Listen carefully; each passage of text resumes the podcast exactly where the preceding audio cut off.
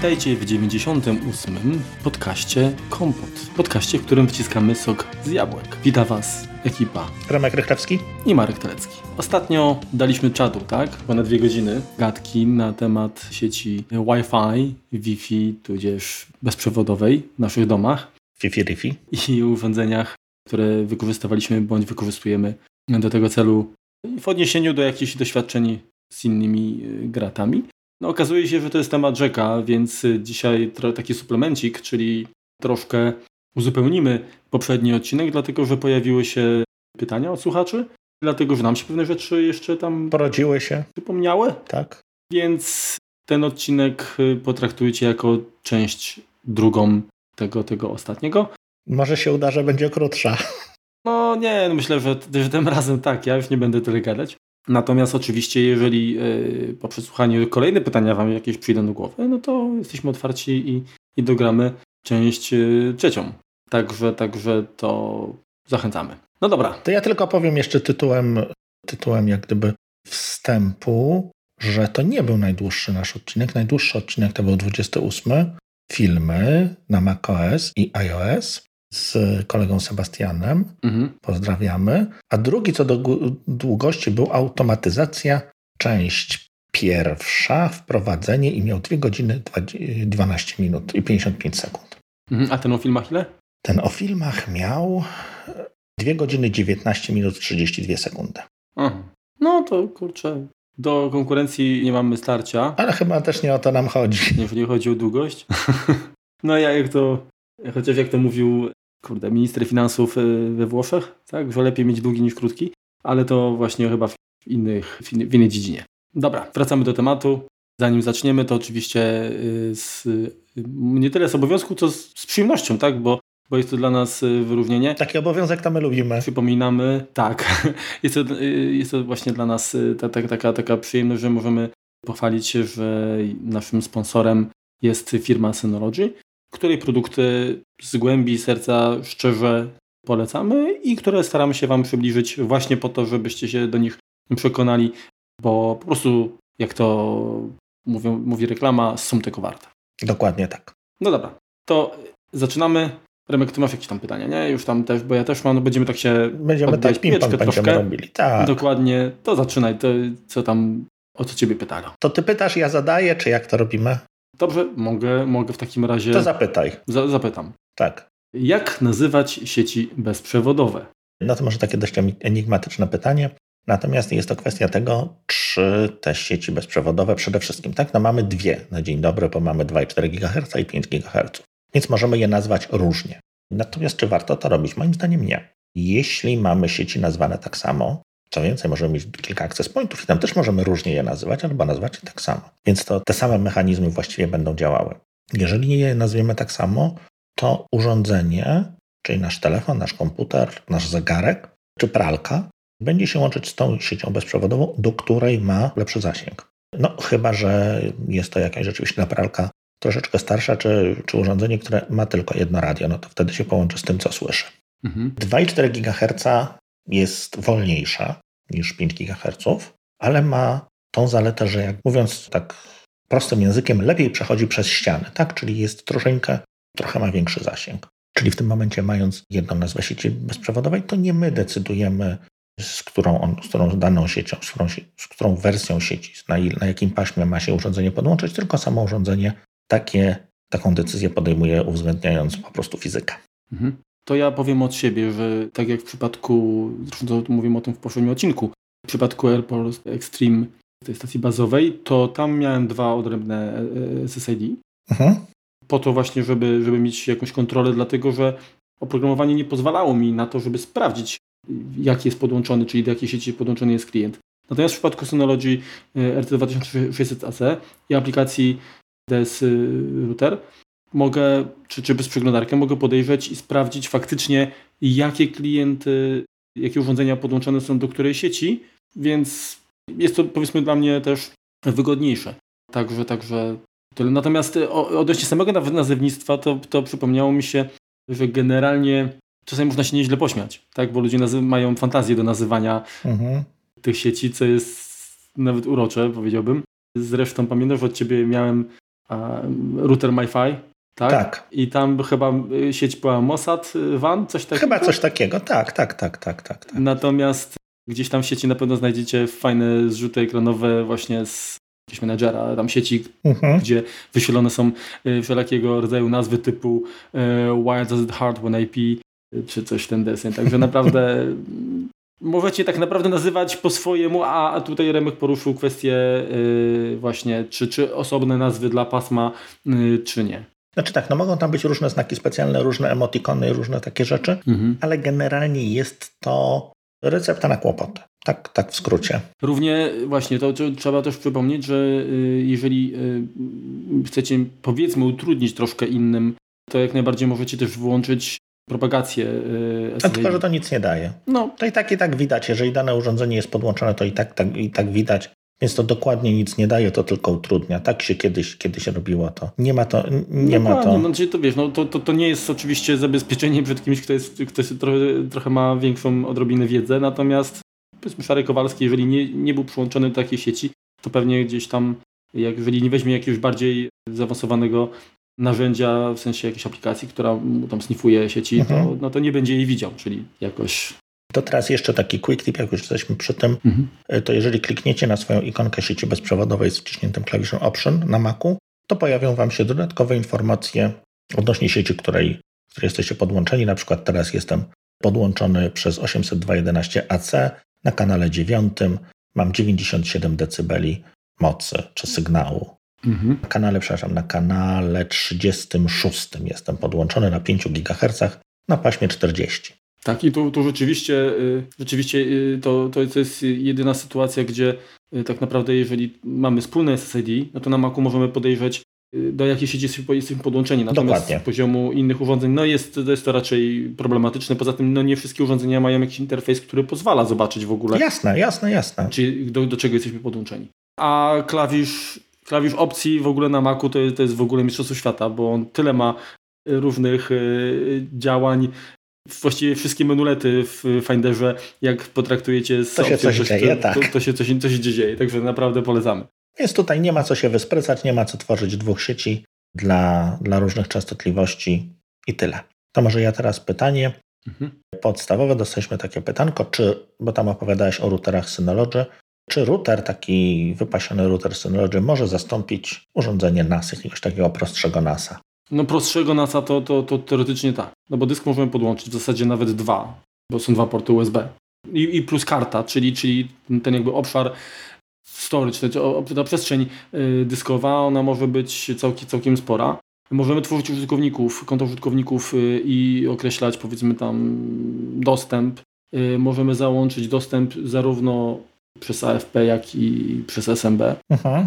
Więc y, w zasadzie tak, ja jako bardziej po prostu potraktowałbym to jako, jako dysk sieciowy, natomiast nie jako nas, taki sensu strict, dlatego że oczywiście tam nie mamy żadnego zabezpieczenia, żadnego rajda yy, i, tak dalej. Aha.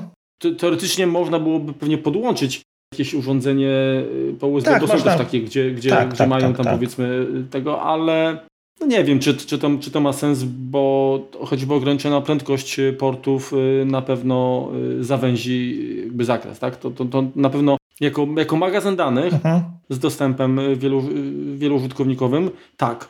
tak. Powiedzmy taki, taki ubogi nas, myślę, że możemy powiedzieć, że tak, że można. Czyli że jeżeli ci nam time machine, znaczy time capsule, jeżeli ci wystarczał time capsule, tak. no to taki router też ci wystarczy. No jeżeli już y, myślimy o nasie, w rozumieniu serwera aplikacyjnego, który sam z siebie coś może, plus do tego posiada jakieś większe bezpieczeństwo danych, no to nie. To już jednak, to już jednak hmm. trzeba coś osobno kupić. Przynajmniej ja bym tak to widział. No nie ma żadnej redundancji tutaj, także to, e, no to w zasadzie ja, ja, inaczej, jeżeli ktoś nie miał do czynienia z dyskami sieciowymi i chciałby jakby y, przekonać się do wygody takiego rozwiązania, zwłaszcza, że y, tutaj jak mówiliśmy dodatkowe pakiety, na przykład Synology Drive czyli, czyli to, co ma cloud y, serwer, tak? Mhm. To pozwala jeszcze zintegrować z, z, z, tymi dyskami w chmurze, no to, no to jak najbardziej ma to sens, tak? Mhm. Y, natomiast powiedziałbym, że to jest powiedzmy pierwszy poziom NASA takiego, takiego y, domowego, a już myśląc o za, za bardziej zaawansowanych zastosowaniach, no to to trzeba jednak iść w kierunku urządzeń dedykowanych, na przykład właśnie Synology czy, czy, czy QNAP, czy FreeNASy, czy no, jakiekolwiek inne, o których mówiliśmy już w poprzednich odcinkach mhm. również. Zgadzasz się oczywiście? Zgadzam się z tobą, tak, tak, tak oh, oczywiście. Kurczę. Jak raz, nie? Dobra, to teraz ja znowu cię spytam. Mhm. Ile stworzyć sieci Wi-Fi? Takie pytanie. No wydaje mi się, że, że po pierwsze to nie, nie wszystkie... A bo to chodzi dla gości. Wiesz, ja to rozumiem w ten sposób, że to będą sieci, czy, czy, czy robimy sieć... W ogóle ile stworzyć sieci, tak? No bo mamy urządzenia IoT, czyli możemy dla nich mieć jakąś sieć wydzieloną. Możemy mieć sieć wydzieloną dla gości. Możemy mieć tak naprawdę też sieci Wi-Fi tak samo podzielone. Odpowiedziałbym najmniej jak się da, najmniej jak jest to rozsądne do podziału, ponieważ to zależy jak gdyby zawsze od, od naszej tam specyfiki. Możemy stworzyć osobną sieć dla urządzeń IoT, a możemy je ograniczyć na routerze, żeby one robiły to, co chcemy, jak nam będzie wygodniej. To samo możemy zrobić w sieci Wi-Fi. Takim moim zdaniem minimum to są dwie sieci, tak? Nasza sieć, do której mamy nasze urządzenia, to, to, to którą ufamy, i sieć dla gości, tak? No, moim zdaniem, tak, tak samo w firmie, tak? No, jeżeli wpuszczamy kogoś do sieci Wi-Fi, czy to jest nasz gość korporacyjny, czy to jest nasz gość domowy, to no może nie zawsze chcemy, żeby on miał dostęp również do naszego serwera plików, czy do naszego NASa, czy do, co za tym idzie do, nie wiem, możliwość streamingu muzyki, możliwość takich rzeczy, które mamy po prostu otwarte, tak, dla, dla pracowników, czy dla domowników, tak, czy, czy zdjęcia mógł nasze oglądać przez DLNA, którym no jakby się nie bardzo można zabezpieczyć. No jeżeli decydujemy się na zdjęcia, które są dostępne z DLNA, no to każde urządzenie, które podepniemy do sieci, automatycznie będzie je widziało, tak? No, w domowym rozwiązaniu, czy, czy, czy dostęp do drukarki na przykład jeszcze, no w domowym rozwiązaniu takie jest to śli, śliskie, tak? W domowym w rozwiązaniu firmowym, no to już jest ochrona danych osobowych, już nie możemy takich rzeczy robić. Więc co najmniej dwie, jeśli z jakiegoś powodu uważamy, że powinno być ich więcej, to dopiero wtedy, ale tylko i, tylko i wyłącznie wtedy, jeżeli ma to jakąś uzasadnioną, uzasadnioną przyczynę. Bo, no nie wiem, możemy sobie wymyślić, na przykład nie ufamy naszej drukarce, to zróbmy osobną sieć dla drukarki. Nie ufamy naszemu, nie wiem, kamerce internetowej, no to też do, do osobnej sieci w ogóle, osobnym kablem podłączyć, osobny WLAN, osobny ten. No i bardzo szybko zrobimy wielki bałagan, bo żeby na tym zapanować, będziemy pozwalali w lewo i w prawo i prędzej czy później zrobimy błędy, jeśli chodzi o routing, jeśli chodzi o, o dostęp. I gdzieś nie zezwolimy, gdzieś zezwolimy za dużo i, i to będzie spowodowało, sprawiało tylko dodatkowe kłopoty, a nie będzie przynosiło żadnego zysku w sensie zwiększenia bezpieczeństwa. Dokładnie, trzeba gdzieś jakiś taki złoty kompromis wybrać. Poza tym y, pytanie było odnośnie sieci Wi-Fi, bo oczywiście w środowisku powiedzmy bardziej takim produkcyjnym czy firmowym gdzie mamy, nie wiem, działy typu, nie wiem, dział kadrowy czy tak dalej, no to, to tam wydaje mi się, że to, to i tak te komputery czy urządzenia generalnie są podpięte e, kablem, są w, innym, w innej podsieci, e, czy właśnie w innym wilanie i tak dalej. Natomiast e, Wi-Fi jako takie stosunkowo no jeżeli stosujemy radiusa powiedzmy tak, no to to, to, to, to, to, to bezpieczeństwo jest dużo większe, ale generalnie... Oczywiście, tak. Wi-Fi jest takim trochę w sieci to jest trochę taka pięta chilesowa, którą, na którą trzeba być yy, szczególnie jakby uczulonym, myślę, więc tutaj chyba tworzenie znowu, znaczy na, na pewno wydzielenie sieci właśnie dla, dla osób przypadkowych ma sens, ale tworzenie sieci w nadmiarze tak, jest też trochę, trochę moim zdaniem bez sensu. No to jesteśmy znowu zgodnie. Kurczę blada. No dobra. No to hit me. To taki duży temat. Może... No, pewnie możesz. AirPlay, a wydajność sieci, tak? Czyli jaki wpływ ma mhm. wydajność sieci do, do AirPlaya, do działania AirPlaya? No, duża, duża. Kluczowe. Duża, duży, duży jest, znaczy jak, jak najbardziej, no AirPlay bazuje przede wszystkim na Wi-Fi. Oczywiście niektóre usługi po Bluetooth też działają, natomiast y, przewagą AirPlaya nad, jeżeli mówimy o streamingu audio, czy, czy wideo, głównie audio, przynajmniej tak było w początkowym zakresie, w początkowym czasie, no to, y, to była prędkość, szybkość, y, brak opóźnień i, i, i brak kompresji danych, tak? W sensie, że, że te dane mogły sobie po sieci trafiać od, od nadajnika do odbiernika bez, bez dodatkowej kompresji, co gwarantowało przede wszystkim lepszą jakość. I odkąd ja używam y, sieci, generalnie jabłuszek y, w domu, to praktycznie, to już wtedy, wtedy miałem time kapsula, tak jak właśnie nie pamiętam teraz, czy, czy drugiej, czy trzeciej generacji, y, gdzie już była sieć 5 GHz, mhm. która, tak jak mówisz, jak mówiłeś wcześniej, ona trochę gorzej sobie radzi, jeżeli chodzi o zasięg w budynku, jeżeli mamy grube ściany, czy, czy jakąś y, dużo kabli i tak dalej elektrycznych. Mhm. Natomiast z uwagi na to, że to dzisiaj to jest powiedzmy też standard, ale, ale kiedyś sieci 5 GHz były stosunkowo rzadkie, to przynajmniej nie, nie było interferencji z większością sieci sąsiadów, więc Zgadza się. komunikacja w mojej sieci była praktycznie y, bezproblemowa i to gwarantowało właśnie zarówno streaming y, muzyki do stacji Airport Express, czy odtwarzanie takie hybrydowe, bo jeszcze posiadając Apple TV trzeciej generacji, to o ile dobrze pamiętam, to chyba w wersji oprogramowania 5.1 prowadzono możliwość mm, odtwarzania takiego, że ja, że ja mogłem na, odtwarzać e, wideo e, na telewizorze podłączonym do Apple TV, natomiast audio mogło być przekierowywane po AirPlayu. Na głośniki AirPlay, w moim przypadku akurat do, do stacji Apple Express. Później oczywiście te, te, te, początki to były takie, że, że były jakieś tam problemy z synchronizacją pomimo szybkości sieci, natomiast później bodajże w 5.2 chyba, czy, czy, czy, czy, czy 5... No, mniejsza z tym, już nie pamiętam teraz dokładnie w, w której wersji, ale Apple się uporało z tym.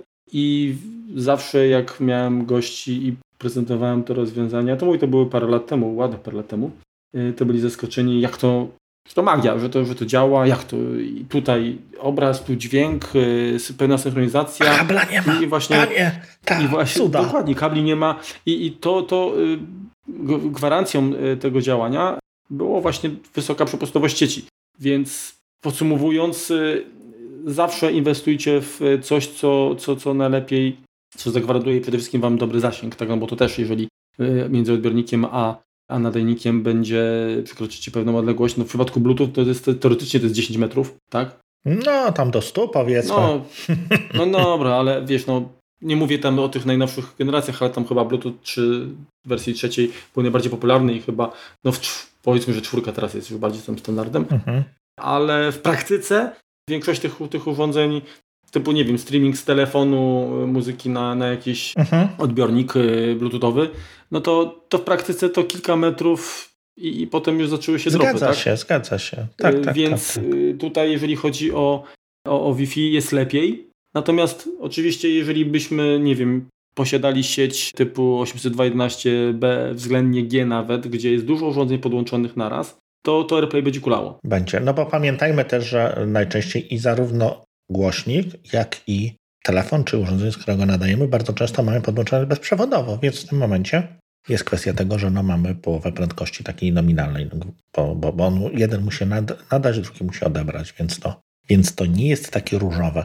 Ponopti jest pewnie tak jak, e, właściwie to samo można by, pytanie IoT, a wydajność sieci, tak samo. Na przykład Apple Secure Video, te nowe kamery, które teraz wchodzą, a wydajność sieci no przede wszystkim, no tak sieć to podstawa, no dopiero, dopiero sieć to komputer powiedział, powiedział kiedyś San wymyślił i, i tak to jest, no. Znaczy przede wszystkim, jeżeli macie dobry router, który pozwala nam wam podejrzeć, jakie urządzenia generują jaki ruch, no to będziecie widzieć, czy, czy, czy, czy ta wasza sieć domaga, czy nie domaga. Zresztą e, spójrzcie nawet na kwestie zapotrzebowania chociażby, nie wiem, Netflixa czy jakichś innych usług. Ależ oczywiście. Takie, które poda, pod, podaje producent, no to już, to już, y, to już widać, gdzie powiedzmy ten, to, to pasmo, y, czy ono się, nie wiem, skończyło, czy jeszcze jest jakiś zapas. I powtarzam kolejny raz, że te megabity, które mamy w przypadku sieci y, Wi-Fi, tak, musimy podzielić na pół. Tak. Więc, więc jeżeli teoretycznie planujecie, że transmisja różnych usług ma odbywać się na, na, jakimś tam łączu, no to w przypadku, gdy, gdy większość urządzeń będzie połączona bezprzewodowo, no to niestety, ale ta, ta wydajność jest, jest, jest niższa niż, niż ta teoretyczna. Pomimo tego, że AirPlay y, korzysta z stosunkowo wydajnych protokołów, więc AirPlay w wersji 2 też Apple obiecało, że lepiej będzie radziło sobie z, z multiroomem, y, że będą jakieś buforowanie będzie lepsze i tak dalej. Pewnie faktycznie, faktycznie popracowali nad tym. Chociaż z mojego doświadczenia e, to wygląda to, że, że i zapotrzebowanie jakby samego replaya na... Pasmo? Mm, właśnie, bo nie, nie ty na pasmo. E, wiesz co, ja zauważyłem, że chyba urządzenia typu właśnie iPhone czy iPad pracując w AirPlay 2 jakoś muszą więcej się namęczyć. Czyli chyba mają więcej, więcej do, do zrobienia. Nie, może na pasmo to mówię, to akurat nie ma wpływu, ale tak nie wiem, że się bardziej grzeją, bateria trochę szybciej schodzi przy takich samych zastosowaniach. Bo teraz działa synchronicznie, więc to jest dla niego co jak gdyby, tak jak poprzednio mieliśmy tym samym kanałem wysyłane wszystkie komendy, tak teraz mamy jakby dwa połączenia, jednym idą komendy, drugim idzie muzyka, więc to są jak gdyby dwa, dwa wątki, w których one pracują, więc mhm. tutaj możesz mieć, możesz mieć rację. No to, Dobrze. Czyli reasumując, zawsze jakikolwiek, jakakolwiek transmisja, jeżeli to jest transmisja danych y, takich wideo, powiedzmy, czy audio, jeżeli nie chcecie mieć dropów, no to jak najbardziej i szybkość, i zasięg muszą być na jakimś tam sensownym poziomie. Mhm. Czyli tutaj nie ma, nie ma taryfy ulgowej, krótko mówiąc, bo to się zemści. Zgadza się. Dawaj dalej. Dobrze. Czy i kiedy instalować aktualizację? Nie no, chyba wcale, nie? Bo mogą aktualizować. Zawsze i, automa zawsze i automatycznie. Więc to, dobrze, to ja o Ciebie mała uwaga. Pytanie. Czego są aktualizacje? Jeżeli Windowsa, to, to niekoniecznie. Nie, chodziło mi o aktualizację routera, aktualizację urządzeń sieciowych. Właściwie zawsze i automatycznie. Nie znam przypadków, w którym aktualizacja by coś popsuła, jeśli chodzi o router, tak oczywiście. Znamy jakieś tam pojedyncze przypadki, gdzie jakaś tam aktualizacja iOS-a coś tam napsuła, aktualizacja Maca coś napsuła. Znamy przypadki, kiedy aktualizacja Windowsa nic nie popsuła bo to odwrotnie akurat jest niż, e, niż wszędzie indziej. Natomiast jeśli chodzi o routery, właściwie bezpieczniej jest je instalować automatycznie, o NASę tak samo. Te urządzenia bazują na, na popularnych protokołach, na popularnych pakietach, których wiele z nich jest otwarte, które cały czas podlegają jakimś audytom bezpieczeństwa czy próbom włamania mniej lub bardziej legalnych. I, no i nie warto się po prostu wystawiać. No, ostatni przypadek, tak? No ale akurat Kunap miał problem z ich e, NASem, z bodajże wyświetlaniem zdjęć. Ten, ten, ich aplikacja do zarządzania zdjęciami miała jakąś podatność, która po prostu umożliwiała przejęcie całego NASA przez jakiś błąd, przez jakiś tam, jakieś tam włamanie, więc no tutaj to się pojawia po prostu, jak tylko jest aktualizacja, no to jednak należy ją zainstalować, jeżeli to, jeżeli mamy to dostępne z zewnątrz. Tak, jeżeli to jest wewnątrz sieci, czyli na przykład NAS, którego nie mamy wypuszczonego, no to można poczekać. Natomiast router z siłą rzeczy jest na zewnątrz sieci i jest to nasze, nasze, nasze zabezpieczenie, więc tutaj musimy działać szybko. Kolejne pytanie, bo mówię, że chciałeś, żeby tutaj parami, tak, czyli z dubeltówki, ci strzelać. Kiedy wyłączać router? No tak, no bo y, jak jedziemy na pół roku na wakacje, to tak, a inaczej nie. No bo tak, bo część z Was na przykład wyłącza router na noc, no żeby nie brało prądu. Albo, albo jeżeli to jest router z Wi-Fi, tak żeby antenki nie siały, tak, bo chcą się wszyscy wyspać, żeby fale radiowe nie buszowały. tak, dokładnie, tak, tak, tak, tak. A w ogóle mam koleżankę, która bała się Wi-Fi i dlatego posta postawiła sobie modem taki bezprzewodowy, taki bezprzewodowy, ale w sensie LTE i miała go podłączonego kabelkiem, żeby jej nie siało. tak, więc dobrze, śmiechy, śmiechy na bok. Czy Wi-Fi jest niezdrowe? Tak, jest niezdrowe. Jak wszystko, co jest niezdrowe. Czy cukier jest niezdrowy? Tak, jest niezdrowy. Sól też jest niezdrowa. Wi-Fi jest niezdrowe, tak samo jak i wszystko inne, co nas otacza. Czy możemy się jego pozbyć? Nie, nie możemy się jego pozbyć, bo nawet jeżeli my wyłączymy swoje, to i tak sąsiad zostawi włączone. No otóż to. Więc zdrowsi od tego nie będziemy. No chyba, że ktoś mieszka w domku wolnostojącym i ma dużą posiadłość, do, do następnego domostwa jest y, kilkaset metrów. Tak. No to teoretycznie. Ale doprowadzi do sytuacji, że jego telefon w tym momencie zacznie się łączyć z LTE i więc będzie bardziej siał niż, niż Access Point. I co gorsza, nawet przez to LTE będzie starał się i nawet muszę mu się w którymś tam momencie udać, zrobić backup, bo czemu nie?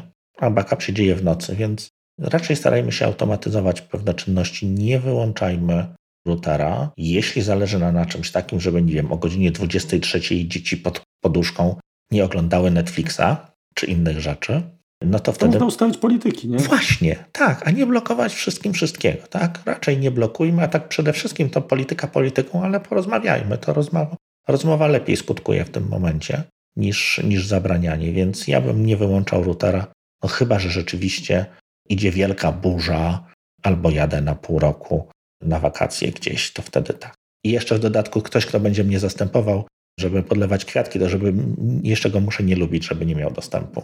Dobrze, a powiedz mi teraz Remku, bo tak widzisz, wspomniałeś tę burzę. Tak. Kiedyś znaczy standardowym działaniem większości domostw było wyłączanie wszystkich gratów elektrycznych y, z gniazdek. Mhm. I teraz pytanie, czy dzisiaj robić to samo i czy robimy to tylko i wyłącznie po to, żeby zabezpieczyć przed ewentualną sytuacją, kiedy piorun walnie gdzieś, nie wiem, w transformator i po sieci o tym myślałem. pójdzie szpilka, czy robić, po, czy robić to po to, żeby minimalizować ryzyko, że, że przyciągniemy go. Bo też były takie, mm, takie słyszałem mity, że to radio to ono właśnie jest też takim wabikiem. Przyciąga, nie no jasne. I, i ściąga. I krowy się nie niosą. No to co, dementujesz mit. Nie no, dementuję, tak. No rzeczywiście, jeżeli pójdzie jakieś przepięcie, czy, czy piorun walnie w nas, tak? No to mhm. wszędzie. W nas? W nas wszędzie w domu. Żeby to nie był nas synology. No nie, nas synology na pewno nie. To w nasze domostwo. Nasz, nasz home sweet home.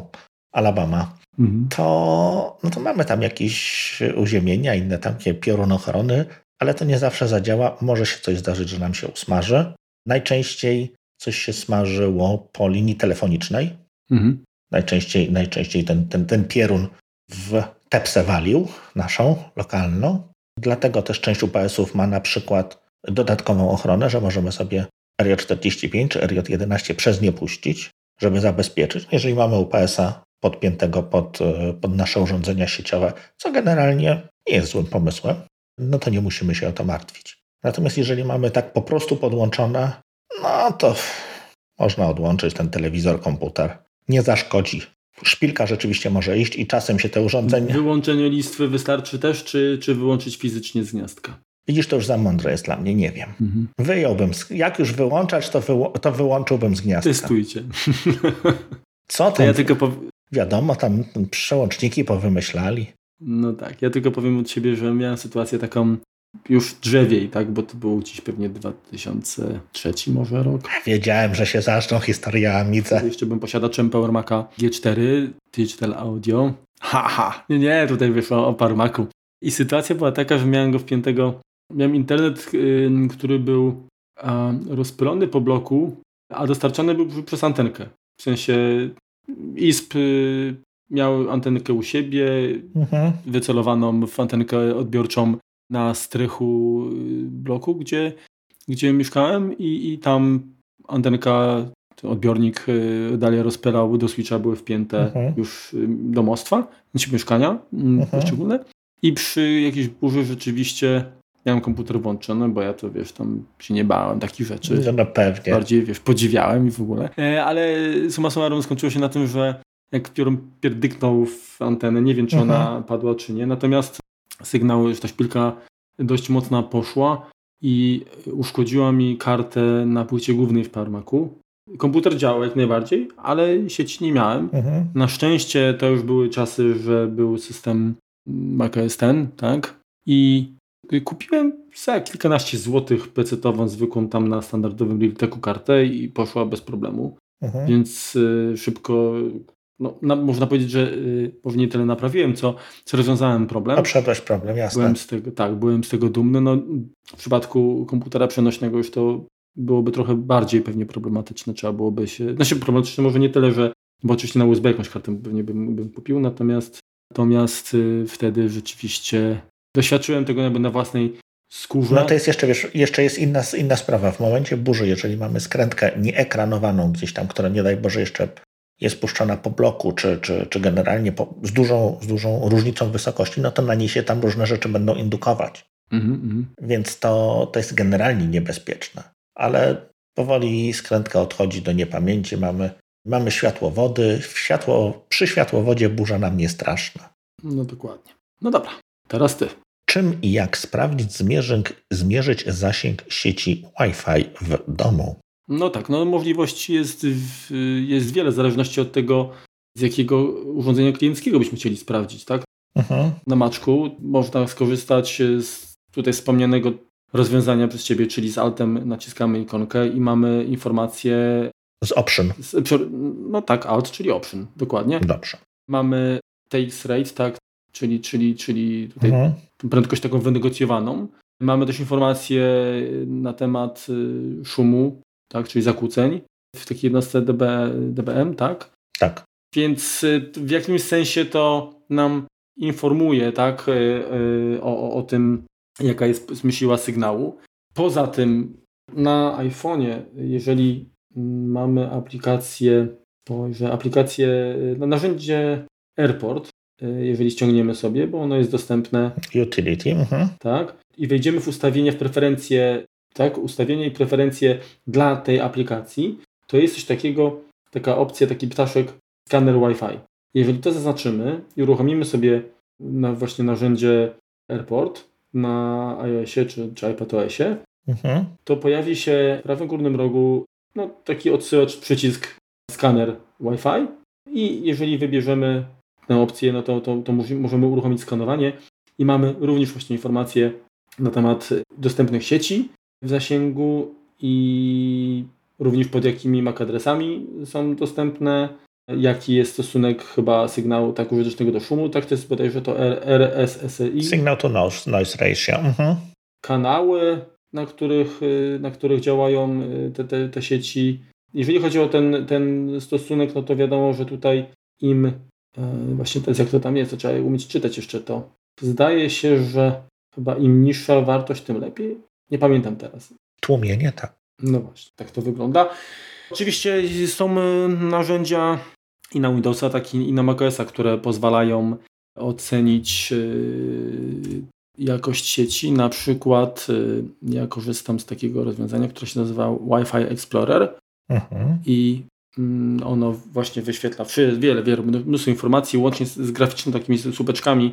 Dla każdego pasma podaje, wskazuje, które sieci są, mają najlepszą siłę sygnału. Również jest, jest y, w takim tabelarycznym zestawieniu jest y, kolumna właśnie Signal, tak, gdzie, gdzie jest w procentach również zestawienie jakości tego sygnału. Poza tym coś, kurczę, teraz nie pamiętam, ale takie było narzędzie, network, coś, kurczę, nie pamiętam, monitor, w każdym razie pozwalało na tworzenie mapy mieszkania i mogłeś ustalić sobie na przykład szukać, gdzie masz słabe takie dziury, tak? Nazywało się to NetSpot i dalej się nazywa NetSpot. NetSpot, no właśnie. Mhm. I jest to o tyle fajne, że jakby jest aplikacja na Maca, jest na iOS-a, i można sobie na przykład na iOSie skanować sieć, rzeczywiście chodzić, narysować sobie jakąś tam mapkę, zaznaczać gdzie się jest i tam robić pomiary. I później wyeksportować to, e, to do aplikacji Macowej. Tak by tam już e, ustalić, gdzie mamy access pointy, rzeczywiście fizycznie je narysować, zobaczyć, zobaczyć jak to wygląda, jeśli chodzi o zasięg, e, jak to fizycznie jak gdyby się, się sprawuje. Inną aplikacją, która również umożliwia, w sumie między innymi to, to jest debug, jest tam funkcja Wi-Fi monitoringu.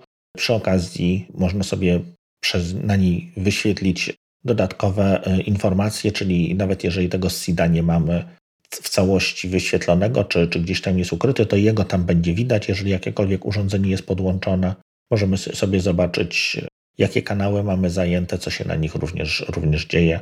Tak, jeśli chodzi o, o Ether. Okej. Okay. No dobra, to teraz to chyba możemy jakby, nie wiem, te narzędzia uznać, jakby, że wyczerpaliśmy. Tak, no oczywiście, jeżeli tutaj słuchacze mają sprawdzone jakieś własne rozwiązania, to, to poprosimy, żeby się podzielili. Dużo więcej jest na Androidzie, ponieważ tam, tam jest niż, dostęp do, do niższych partii systemu i tam więcej rzeczy można zrobić, więc jeżeli mhm, myślimy dokładnie. rzeczywiście o poważnej, poważnej analizie sieci, no to Android w tym momencie się będzie lepiej sprawował niż, niż e, iPhone.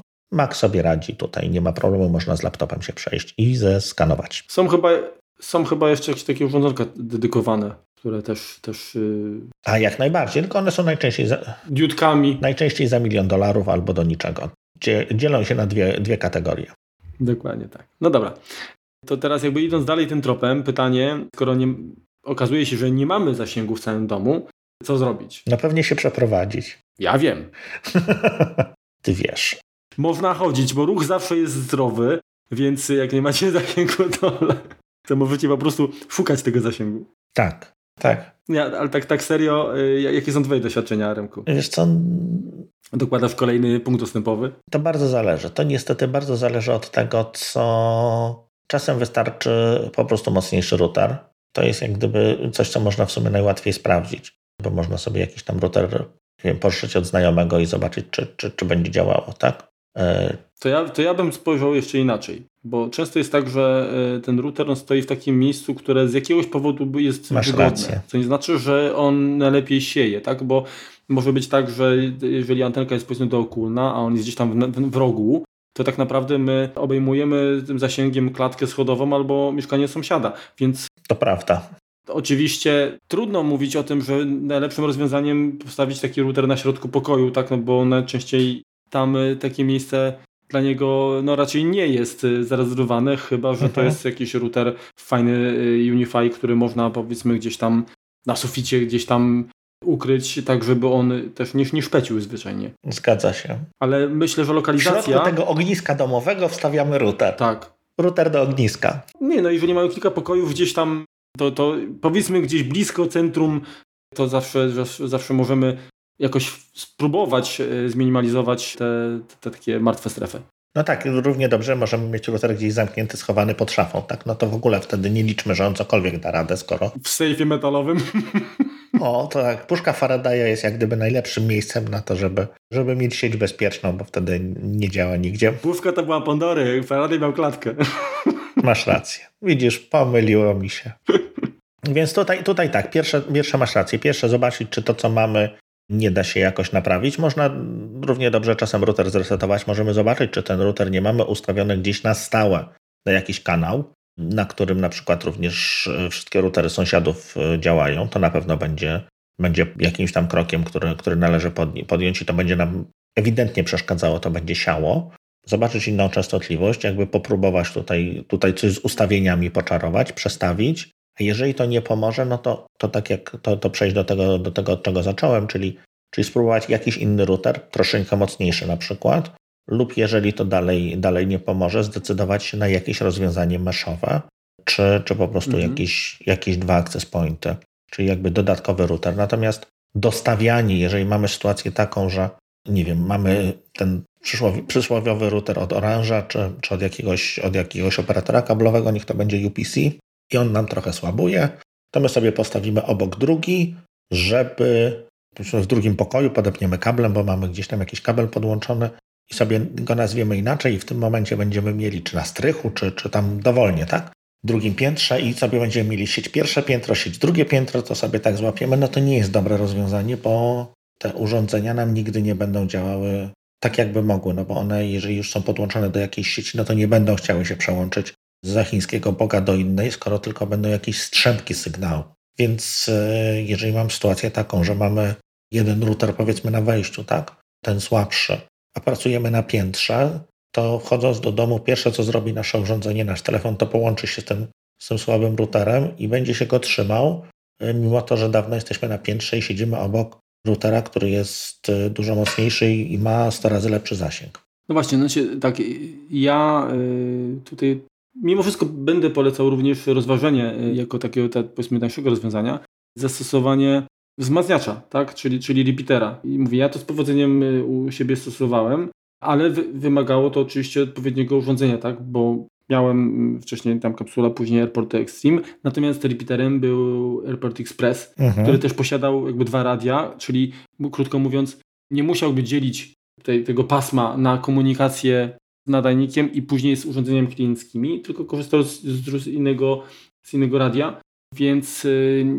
poza zasięgiem zwiększonym nie, nie odczułem spadku wydajności sieci też, tak? Czyli, czyli prędkości. Natomiast jeżeli zastosujemy jakiś tani repeater, no to niestety on będzie prawdopodobnie mm, część jakby pasma przeznaczy na, na komunikację z tym z routerem, tak? Mhm. Po to, a, a, a dopiero resztę na, na urządzenia, które ewentualnie się do niego podłączą.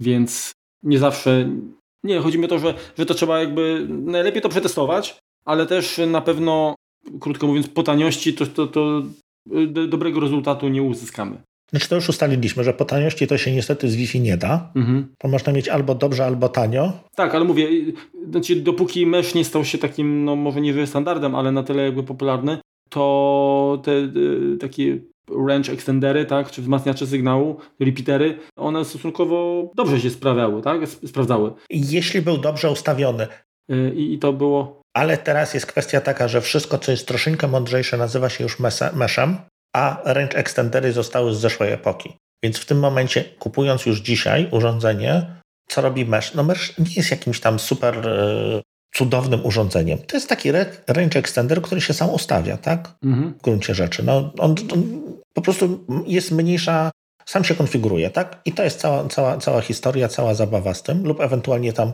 zdalnie coś go konfiguruje. No to też na jedno wychodzi.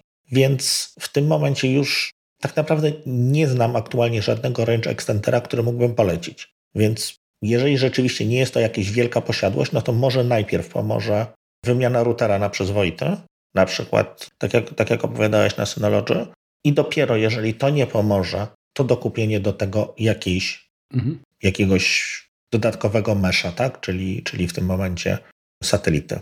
Ale to bardzo tak naprawdę koniec końców zależy od tego, jaką mamy, jaką mamy sieć, jaki mamy dom, jaką mamy powierzchnię, okay. co chcemy osiągnąć. Jeszcze raz, jeżeli macie tutaj jakieś problemy, to, to czasem szukanie samemu rozwiązania wyniesie was więcej niż zapłacenie komuś, kto zrobi to za was i, i po prostu już kupicie jedną, jedną rzecz, która na pewno wam ruszy, a, a nie po prostu będziecie sami szukać. Zgadza się. Na pewno korzyścią, którą zyskacie, to jest wasze doświadczenie. Tak? Jeżeli coś nawet nie zadziała, no to, to będziecie przynajmniej wiedzieć to z, właśnie z własnego doświadczenia, ale no, to jest wiedza kosztuje, tak? Zgadza się. Takie coś jak stealth mode. Y, na routerze, na firewallu, na komputerze, co to jeszcze to włączać?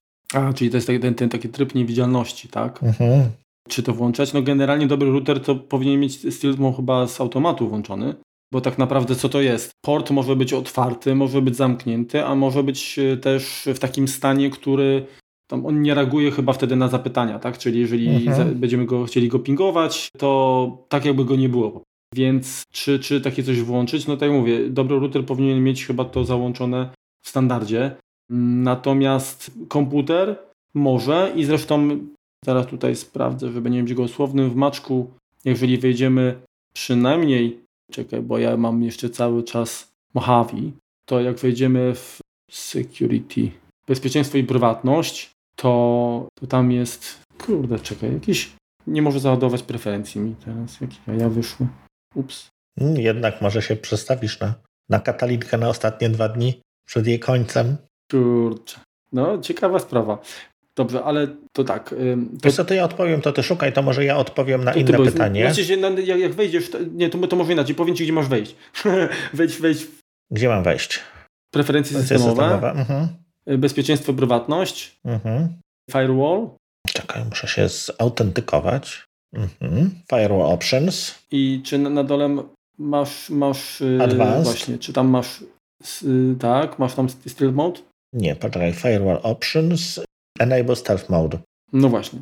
Tylko, że to oczywiście będzie też działało w ten sposób, że na sieci lokalnej, jeżeli będziemy chcieli zapingować, znaleźć komputer czy tego, no to on to nam zginie, tak zniknie, więc właśnie. To trzeba mieć, mieć świadomość tego, że nie zawsze to jest y, dobre rozwiązanie, bo jeżeli chcemy zdiagnozować po prostu, to, to, to może być to utrudnione. Właśnie, ja jestem, to chciałem o tym powiedzieć, czy, czy, czy w ogóle ICMP wyłączać. Nie, ICMP nie wyłączać. ICMP jest bardzo potrzebnym protokołem. Można z ICMP pewne rzeczy powyłączać, ale ping 6 i 7, czyli ping request i ping response, powinniśmy zostawić. Wszystkie inne możemy olać. Nie musimy, bo przez pinga można sprawdzić, ile mamy co mamy wewnątrz, tak? Troszeczkę hopów, ile mamy, no tam generalnie troszeczkę się da przeskanować sieć pingiem. Czy ping of death wpuścić. Kiedyś, kiedyś można było coś takiego. Czy zapingać na, mhm. na śmierć tak naprawdę komputer. Natomiast dzisiaj raz, że te, te ataki już od, od dekad nie działają, dwa, to tylko utrudnia, więc zostawiając te, te, te, te dwie części w protokole ICMP, czyli, czyli od request i, i response na tego pinga, czyli ping i pong tak zwany, jak to się kiedyś, kiedyś mówiło, to, to warto moim zdaniem, bo każde urządzenie, które jest, to jest taki element hydrauliki, tak? Ten, ten element dobrze jak działa, bo, bo wtedy mamy jasność dla, dla innych protokołów, czy, czy dla nas właściwie, że, że wszystko jest w porządku z siecią. Mhm. To ja jeszcze tutaj dodam od siebie, że jest taka witryna, zresztą już o niej mówiliśmy nie raz y, w podcaście. Shields Up. Dokładnie, Shields Up, y, czyli GRC.com, czyli to jest pan, jak on tam ma jakoś... Steve Gibson. No właśnie. On tam y, te narzędzia do dysków i tak dalej też przecież robi, prawda? Tak, tak, tak. Gibson Research Corporation, dokładnie. czyli y, grc.com. Tam mamy właśnie Shields Up, gdzie możemy sprawdzić, czy nasz router pracuje w takim, w takim trybie, czy, czy generalnie odpowiada na jakieś tutaj zaczepki z zewnątrz. Próby yy, zaczepki z zewnątrz, dokładnie. Także to możecie łatwo sprawdzić, tak. Zweryfikować i, i, i w tym momencie będziecie wiedzieli, czy, czy, wyma- czy wasz router wymaga jakiejś, jakiejś aktywności, bo być może, nie wiem, ktoś tam na przykład UPnP włączył albo jakieś, jakieś inne tam ustrojstwo, które tak naprawdę nie powinno być na zewnątrz, czy z zewnątrz dostępne, to, to, to, to się dowiecie. Znaczy UPnP w ogóle, jeżeli macie w routerze i to, wyłączcie je. Jeżeli rzeczywiście no wam przeszkadza, że coś wam przestanie działać, to, to wtedy poczytajcie jak to włączyć, ale nie, nie róbcie tego automatycznie, bo to jakby samo włączenie UPnP jest niezgodne z ideą y, firewalla, jest z, z, z ideą routera, tak? On, router ma puszczać to, co to, co wy zdefiniujecie, a nie to, co, co jakiejś tam aplikacji się wydaje, że powinno wychodzić. No dokładnie tak. Okej, okay. no to teraz ja. Hmm, I teraz będzie trochę takie pytanie tutaj wpisane. Widzę, jak ustawić IP w wersji szóstej. To, to to byś musiał wprowadzić, tak, bo, bo, bo nie, wszyscy, nie wszyscy wiedzą tak naprawdę po co, po co, po co to w ogóle, tak? Tak. Każdy komputer w sieci ma jakiś, e, jakiś numer, jakiś taki kod pocztowy, tak to nazwijmy. E, no i z racji tego, że dawno, dawno temu te kody pocztowe rozdawano tak, tu temu kopę, tamtemu furę, no to one się zaczęły kończyć, więc mądrzy ludzie stwierdzili, że trzeba coś nowego wymyśleć. I powstało IP w wersji szóstej, gdzie tych adresów jest więcej niż liczba atomów we wszechświecie i teraz można nie dawać furę, tylko można dawać od razu cały pociąg tych, tych adresów. I, i, I nigdy się nie skończą. Ale do czego, do czego zmierzam? Tak jak mamy tam, nie wiem, 192.168.1.1 na przykład ma adres IP was router, jeżeli nic nie, nie pozmienialiście, to jest to jeden z adresów, które nie są rutowalne. Jest to taki adres prywatny, jest ich sporo tak naprawdę, bo są dziesiątki, są 172.16, coś tam, coś tam. To są różne klasy, dokładnie. 30 do 31, coś tam, coś tam i 192, 168, coś tam, coś tam. To są te trzy klasy tych adresów, które kiedyś zostały uznane za nierutowalne, więc w tym momencie każdy router w internecie, jak tylko otrzyma jakiś taki e, pakiet, gdzie, gdzie taki adres występuje, no to po prostu uziemia go, nie puszcza dalej, bo to nie powinno się nigdy tam znaleźć. To są tak zwane te takie grupy nierutowalne, prywatne. Więc e, z racji tego, że tych adresów, tak jak mówiłem, zaczęło brakować, powstały nowy, dłuższy, tam 128-bitowy bodajże adres IP i powoli jest on coraz częściej używany. Czasami dostajemy taki adres od operatora, czasami nasz telefon taki adres dostaje, no bo okazało się nagle, że tych e, komputerów, czyli urządzeń w sieci podłączonych do, do internetu jest nagle więcej niż ludzi i brakuje im adresów. Więc teraz tego nie zabraknie. To było tak tytułem wstępu. No i teraz jakby konfigurując ten nasz komputer lokalnie dla tego routera z tym 192.168.1.1, no również możemy mu nadać jakiś adres IP i część urządzeń nawet sobie całkiem z tym dobrze radzi, a część niekoniecznie. Więc teraz możemy mieć te kilka trybów pracy tego IP w wersji szóstej wewnątrz. Możemy sobie to rutować do IP wersji czwartej, e, znaczy enkapsulować, tak? Czyli możemy to przesyłać, pakować jak gdyby do IP wersji czwartej i wysyłać gdzieś na zewnątrz. Możemy to obsługiwać lokalnie, możemy to po prostu wysyłać w, w świat w wersji szóstej. I to wszystko zależy od tego, jak skonfigurowaną sieć ma nasz operator. Tylko podstawowe i jakby pytanie, od którego należy zacząć tych urządzeń, biorąc sobie jakiś tam podstawowy, nawet router, podstawowy adres IP, możemy mieć oczywiście więcej, ale już tak totalnie nie wnikając w szczegóły, to co nam oferuje każdy sprzęt, no to możemy mieć 254 adresy, 254 urządzenia w sieci. Tak naprawdę więcej, ale nawet liczymy te 254. Czy ktoś z Was ma więcej urządzeń niż to? Nie sądzę. Czy w którejś firmie się tego pojawia więcej? O, i tutaj już czasem może, ale wtedy i tak dzielimy to na jakieś podsieci. Uważam, że w sieci jakiejś tam dowolnej my nie powinniśmy mieć więcej niż, niż te 200 komputerów, tak? No bo się robi po prostu niepotrzebny szum. Jeśli to jest tam jakaś, nie wiem, wielka sieć typu, nie wiem, mamy stadion i na tym stadionie chcemy, chcemy zrobić Wi-Fi dla gości, tak zwane, no to wtedy zróbmy, zróbmy więcej, skonfigurujmy to inaczej. Ale i tak, i tak nigdy nie dojdziemy do 16 tysięcy, co jest następnym, następnym jakimś tam ograniczeniem. Więc nie ma fizycznie potrzeby, żeby IP w wersji szóstej działał wewnątrz waszej sieci. Więc możemy to spokojnie wyłączyć. Taka jest y, mój wniosek. Jeśli rzeczywiście to będzie do czegoś potrzebne, to fajnie mieć urządzenia, które to obsługują. Natomiast no, wiąże się to z kolejnymi ustawieniami bezpieczeństwa. Tak? No, musimy, jeżeli zezwalamy na jakiś ruch dla jakichś tam adresów IP wersji czwartej, no to musimy zrobić to samo dla IP wersji szóstej, bo to są inne reguły.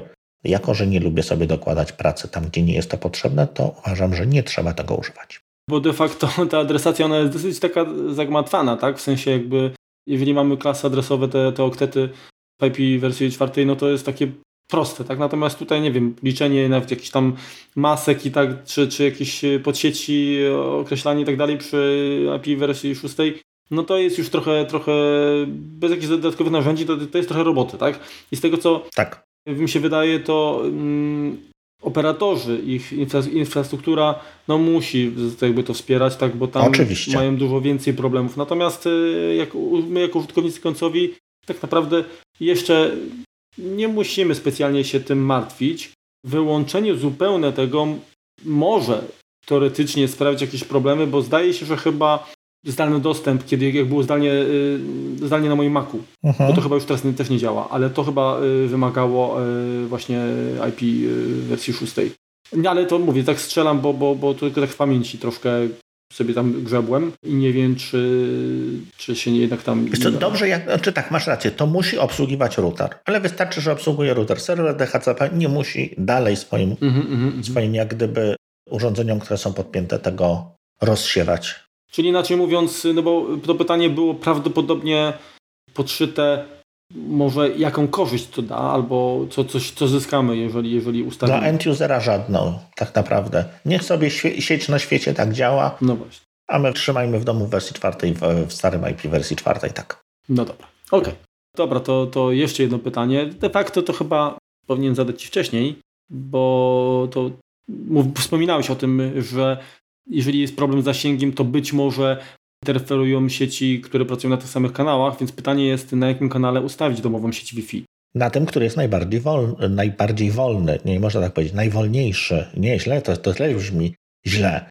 Na tym, na którym jest... Na... Najszybszy, ale najszybszy z wolnych. tak, dokładnie.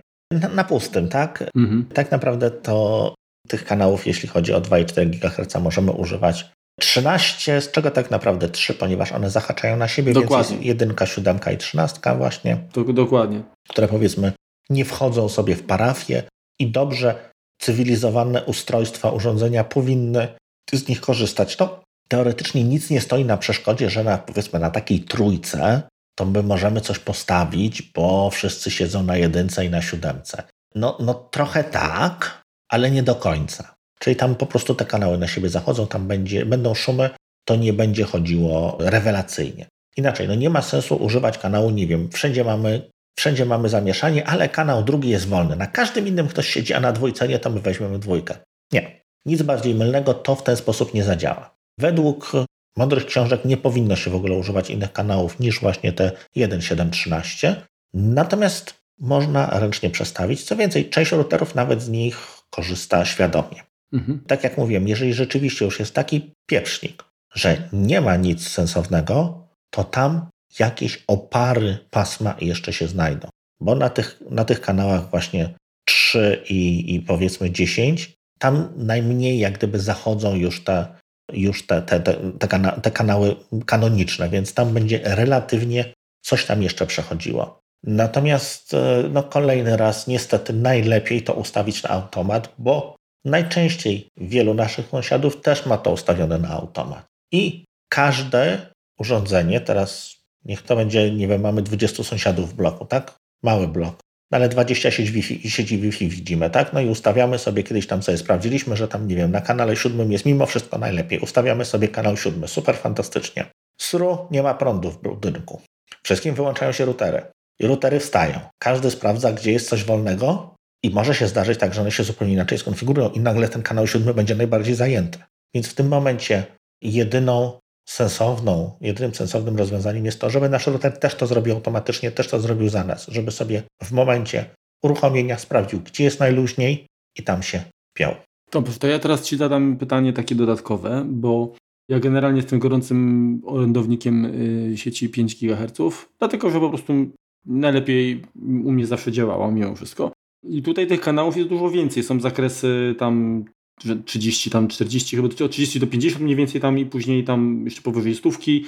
Tak. E, także tych kanałów jest dużo więcej, ale z uwagi na to, że te sieci pracują też e, jakby w, w różnych szerokościach pasm, nie, nie, nie, mówię o jakby, bo sama sieć to jest, tu mam 5 GHz, a tam mam 2,4, ale y, każda z tych sieci może pracować w pasmach 20, 40, 80, a nawet 160 MHz. I bo to jest momencie, szerokość pasma. To jest, to jest też szerokość, czyli de facto jakby też zajmujemy więcej kanałów. Tak. tak? Czyli będąc na 42 kanale, na przykład z częstotliwością 80 zajmujemy od 36 do 48.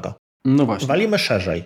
Tak, przy 160 MHz będzie jeszcze, jeszcze szerzej. Także tak. teoretycznie mamy więcej do dyspozycji, kanałów, ale jeżeli ustawienie mamy takie, żeby korzystać jakby z szerszego pasma i chcemy tą przepustowość, tą, tą sieć mieć szybszą, tak. to niestety też może się okazać, że gdzieś tam będą się już nakładały, jeżeli tych sieci 5 GHz będzie więcej. Tak, oczywiście. No ale to jest jakby to, to, to, to ryzyko takie, które mimo wszystko dzisiaj na razie jeszcze lepiej się chyba moim zdaniem sprawdzają te sieci, bo... Tak, tak, 5 GHz na, na, na pewno, tak? To, to są jednak 2,4. Natomiast wiesz co, ja tłumaczyłem na 2,4 GHz, bo tam jest to jak gdyby łatwiej wytłumaczyć, tak? Bo tutaj nie ma, nie ma ja Jak najbardziej, tylko chodziło mi o to, żeby, żeby gdzieś tam poskładać do kupy, bo są różne parametry. Jak się zajrzy w ustawienia e, chociażby właśnie Rudera Synology, no to możemy tam zmieniać dla każdej sieci, między innymi te pasma również, bo to ma wpływ również na, na, na wydajność tak, tej sieci. Wiesz co, te kanały 160 y,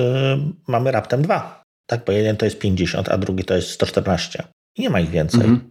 Więc to też należy, też należy u, u, umiejętnie to umieścić. Co więcej, część urządzeń jeszcze można się tak było kiedyś wysprycić i bo inna ilość jest kanałów dostępna w zależności od, e, od regionu, tak? Tak. W Europie jest na przykład 13, natomiast e, w Stanach jest tylko ich 11, a w Japonii aż 14. Mówimy o tym 2 i 4 no to można było się wysprycić i dać na kanał 14, tak? Mhm. I, I według ustawień japońskich wszystko sobie ustawić. No co z tego, że skoro my to ustawimy, nasze urządzenia przestawimy, natomiast inne, na których nie mamy wpływu na ustawienia regionalne, po prostu nie będą tego widziały. To jest też taka pułapka, że co się dzieje, mój komputer nie widzi sieci Wi-Fi. No bo twój komputer jest konfigurowany na Nord America i tam są inne częstotliwości. Zdarza się to również czasami. Można też e, jakby iść, iść, dalej i zapytać się, no dobra, mamy te 160, mamy 80, czyli tą szerokość kanału, no to co, najlepiej wybrać jak najszersze? E, no nie. Też, no tak, jak, tak jak mówiłem, teraz jestem podpięty do kanale o szerokości 40, bo tak mi się automatycznie skonfigurowało.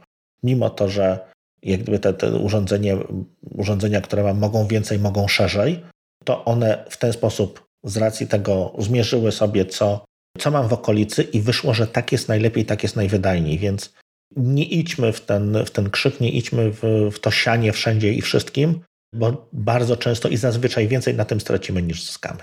Tak, właśnie sprawdziłem, to u mnie akurat łączy się do Synology na kanale 36, 5 GHz, 80 MHz. Pasma? 1053 megabity, tak. No bo widocznie miałeś luźno. No ja mam 36 kanał, 5 GHz na 40 MHz pasma. Mhm. Okej, okay. no więc to chyba jeszcze, to już teraz trojeczka będzie w sensie ostatnie chyba takie pytanie, bo tu się odezwał jeden jeszcze z naszych słuchaczy w nawiązaniu do, do tego ostatniego również mhm. naszego nagrania. On zresztą wcześniej zadał pytanie, na które odpowiedzieliśmy i to jest jakby suplement, do, kolejny jakby suplement pytania i będzie suplement odpowiedzi. Jak zwykle źle odpowiedzieliśmy, trzeba poprawiać. No, no właśnie, bo tutaj... Dzięki Grześku za, za Grzesiek, pytanie. Tak, pre, pre, tak, precyzuję. Pytanie, jeżeli urządzenie widzi jednocześnie sieć 2, 4 i 5 GHz, to czy można ustawić, żeby od pewnej mocy sygnału łączyło się tylko z 5 GHz, a 2,4 tylko jeśli y, piątka jest zbyt słaba? No bo tak, mamy. Wydaje mi się, że nie. Mamy tak i w gruncie rzeczy się dobrze wydaje, ale wytłumacz, wytłumaczymy to. Mamy sytuację taką, że nie wiem, wyjmujemy telefon i nagle włączamy Wi-Fi. Co, co w tym momencie ten telefon robi? Czy otwieramy laptopa? Na jedno wychodzi. Niech będzie otwieramy laptopa. Szuka najsilniejszej sieci. Szuka najsilniejszej sieci i do niej się próbuje, sprawdza, czy mają zapisaną w liście sieci i się do niej łączy. Według kolejności, które mamy, które są w liście. Więc też kolejność jest tutaj ważna. Jeżeli tam chcemy, chcemy różnie je nazywać, to, to kolejność jest ważna. Czasem, czasem chodzimy do sąsiadów, tak? Natomiast i wtedy chcemy się połączyć do ich sieci, natomiast już jak jesteśmy w domu, no to chcemy jednak połączyć się do naszej, no to sieć sąsiadów powinna być gdzieś tam niżej, y, niżej na liście, mimo że jeszcze jakieś opary od niej dochodzą jeszcze. Znaczy mówisz, mówisz ustawienia w komputerze, bo chyba na urządzeniach chyba nie możemy zmieniać y, hierarchii. Tak.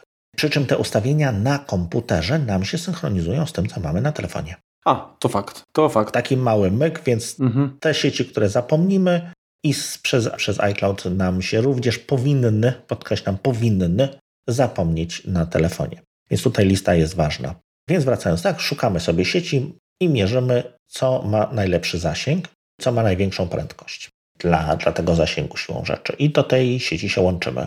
Jeśli przejdziemy kilka, nie wiem, przeniesiemy komputer do drugiego pokoju, gdzie na przykład już ta, y, ta sieć, y, do której się połączyliśmy, działa słabiej od tej drugiej. Tak, zmieniliśmy lokalizację, ustawienia się zmieniły. Komputer nam się automatycznie nie przełączy do tej lepszej sieci, bo dalej będzie mu dobrze. On się przełączy dopiero w momencie, kiedy siła tego sygnału spadnie do jakiegoś poziomu. I ty byś chciał, Grześku, sam zdecydować, jaki to jest poziom. I niestety przy tym zbyt długim wstępie i rozwinięciu muszę z przykrością stwierdzić, że nie masz na to wpływu. Ale mam nadzieję, że tym razem wy, wy, wyjaśniłem jak gdyby cały mechanizm od samego początku. Przypuszczam, że idealnym rozwiązaniem byłoby to, żeby um, urządzenie non-stop monitorowało, czy jest sieć silniejsza od tej, do której jestem podpięty. Tak. No ale to byłoby trochę bez sensu, bo... Energetycznie. Pewnie bateria by, Dokładnie. by, by siadła, tak, jeżeli to jest urządzenie przenośne. Dopóki jest mu dobrze, tak. Dopiero, gdy urządzenie stwierdzi, że gdzieś tam, nie wiem, powiedzmy maksymalny sygnał to jest tam 100%, a ja mam 20%, no to okej, okay, dobra, rozejrzę się, czy może jest coś lepszego, tak? A, a, ale y, jakby na tę wartość my nie mamy wpływu i nie możemy jej nie podejrzeć ani zmienić niestety. Zgadza się, no to zależy jak gdyby od producenta już konkretnego urządzenia końcowego, no bo router tutaj jak gdyby nie ma zbyt dużo do, do gadania czy access point. Teoretycznie przy meszu są mechanizmy, w które router może pokierować jakoś do właściwego access pointa, na przykład jak się przemyślamy, przemieszczamy, żeby ten y, roaming pomiędzy działał troszkę lepiej. Natomiast w praktyce mm, nie zawsze to działa i czasem wyłączenie tego powoduje to, że te, te urządzenia działają lepiej niż, niż, niż z. Tak? To, to, to jest taki standard, ale nie do końca jak gdyby zaimplementowany wszędzie. Czyli reasumując, jeżeli widzisz, że, że masz urządzenie podpięte do sieci 2.4, chociaż y, jesteś w zasięgu takim, że, że, że ta piątka powinna zadziałać, to po prostu rozłącz się do sieci i urządzenie powinno się połączyć już w tym momencie do tej silniejszej. Tak. No niestety nie zadziała to z automatu, chyba że wyjdziesz, wrócisz i akurat w tym momencie nadal jakby tą silniejszą będzie, będzie piątka. Inaczej mówiąc, mhm. musi nastąpić jakby zdarzenie, które wymusi wyszukiwanie znowu tego, tego najlepszego samca alfa, tak? Y, w sieciach. Dokładnie, dokładnie tak. No to chyba udało nam się, myślę, od, od, odpowiedzieć na, na, na te pytania wszystkie, które do nas y, trafiły. Całkiem sporo tego było. To, to Parę sam wymyśliłem. Miło, bo to, to świadczy, że tak? No. Ja myślałem, że, że to tyle, tyle osób napisało. Nie, no widzisz, tak trochę oszukiwałem. No, mm, no dobrze, no, no, ale to w każdym razie jakaś tam wiedza, czyli, czyli to są pytanie, o, o, o które chcieliście spytać, ale baliście po prostu. Tak, tak, tak. zadać te pytania. No trudno, dobrze. Mamy, mamy to za sobą. Jak się coś jeszcze nam przypomni, albo Wam, to tak jak mówiłem, coś jeszcze popełnimy w przyszłości, bo temat sieci to jest temat rzeka. Dobrze, to na zakończenie to chciałbym taki też mini suplemencik do naszego poprzedniego odcinka jeszcze dodać. Mianowicie taki tip, no może to tipem to za, za, za dużo nazywać, ale rozmawialiśmy przy okazji ostatniego nagrania o raportowaniu, czyli jakby o tym, co, co urządzenie, czyli router Synology RT2600 AC potrafi monitorować i jakie raporty, co zawierają te raporty, tylko że ja wtedy nie miałem tego, tak, takiego raportu załączonego. Ja już poprawiłem się, więc w ramach takiego uzupełnienia tutaj chciałbym przedstawić, że raport ruchu sieciowego zawiera Potem możemy ustalić sobie raport dzienny, jakiś y, tam miesięczny, tygodniowy i tak dalej. Zawiera podsumowanie, gdzie mamy na przykład ilość y, kilobajtów y, czy megabajtów pobranych i, i przesłanych. Mamy ilość urządzeń aktywnych, która w danym okresie była, zarówno przewodowych, jak i bezprzewodowych. mamy y, aplikację i tu mamy zawsze najlepszą kategorię, czyli na, jeżeli, jeżeli na przykład przeglądaliśmy mm, większość, to, to było przeglądanie internetu, no to mamy usługi www, najlepszą aplikację, czyli ta, która najczęściej, najwięcej ruchu wygenerowała. Mamy przegląd y, ruchu z podziałem na konkretne, jakby na porę dnia, godziny, zarówno upload, jak i download zdarzenia, jeżeli jakiekolwiek wystąpiły, tak, czy to nie błędy, ostrzeżenia, bądź jakieś informacje. Mamy trendy, tak, czyli widzimy powiedzmy w jakich dni na przykład więcej wykorzystywaliśmy yy, nasze połączenie. Urządzenia, do, najlepsze 100 urządzeń, czyli generalnie jest na liście, na, na raporcie znajdziemy urządzenie wraz z adresem MAC, z przypisanym adresem IP, informacją ile pakietów i ile danych w kilobajtach czy megabajtach zostało przesłanych przez, yy, prze, przez urządzenia I, i to jest zdaje się chyba w obie strony. Łącznie z paskiem postępu, z, z takim procentowym udziałem. Mhm. Nowe urządzenia, jeżeli doszły, tak, yy, to, to są jakby osobno wylistowane. No, także całkiem sporo moim zdaniem taki raport zawiera. Poniżej mamy jeszcze aplikacje, czyli pierwsza setka najczęściej, może nie, najczęściej używanych, ale tych aplikacji, które generują największy ruch, gdzie mamy informacje właśnie na temat, jaka, jaka to jest aplikacja, ilość przesłanych, yy, odebranych pakietów mhm. i łącznie z rozmiarem i również udziałem procentowym. A na koniec jeszcze taki, takim rodzynkiem jakby na torcie jest wykres kołowy, gdzie mamy kategorię aplikacji, na przykład usługi www, sieć, usługi chmurowe, procedury zdalnie wywoływane, czy jakieś inne. I również y, z podziałem na pakiety, rozmiar i udział procentowy. Także wizualnie bardzo, bardzo to przyjemne jest dla, dla oka. Także polecam, jeżeli macie ten router, to sobie załączcie, y, bo i tak i tak to, to urządzenie monitoruje, a raport po prostu jest tak naprawdę takim graficznym przedstawieniem tego, tego, co, co tego wszystkiego, co urządzenie zalogowało w formie właśnie takiej y, przystępnej, przyjaznej dla, dla użytkownika. Teraz możemy uznać y, nasz odcinek za kompletny, więc pozostało nam się już tylko pożegnać i zaprosić Was, was do, do, do, do kolejnego, który będzie za następne dwa tygodnie. No i tyle. Więcej nie mówimy. Nie powiem. Dobrze. Dziękujemy. Trzymajcie się, Trzymajcie razie, się ciepło. Pozdrawiamy. Na razie. Cześć. Cześć, cześć, cześć. No i spoko chyba wyszło. O, godzina 30. Mm, 98, tak? 98, tak. Ty masz zamknięte okno? Tak. Niestety, kurde, słuchać, nie? Samochody słuchać, jak się masz. No. Nie wiem, czy masz coś do dodania, czy w ogóle mnie słychać jeszcze, czy gdzieś uciekłem? Nie, nie, słuchać jak najbardziej. Tak, tak się zamyśliłeś i... A teraz ja cię nie pytałem? Tak, bo to było o zasięg. Nie, no bo ja chyba za, za ciosem. Tak, przepraszam.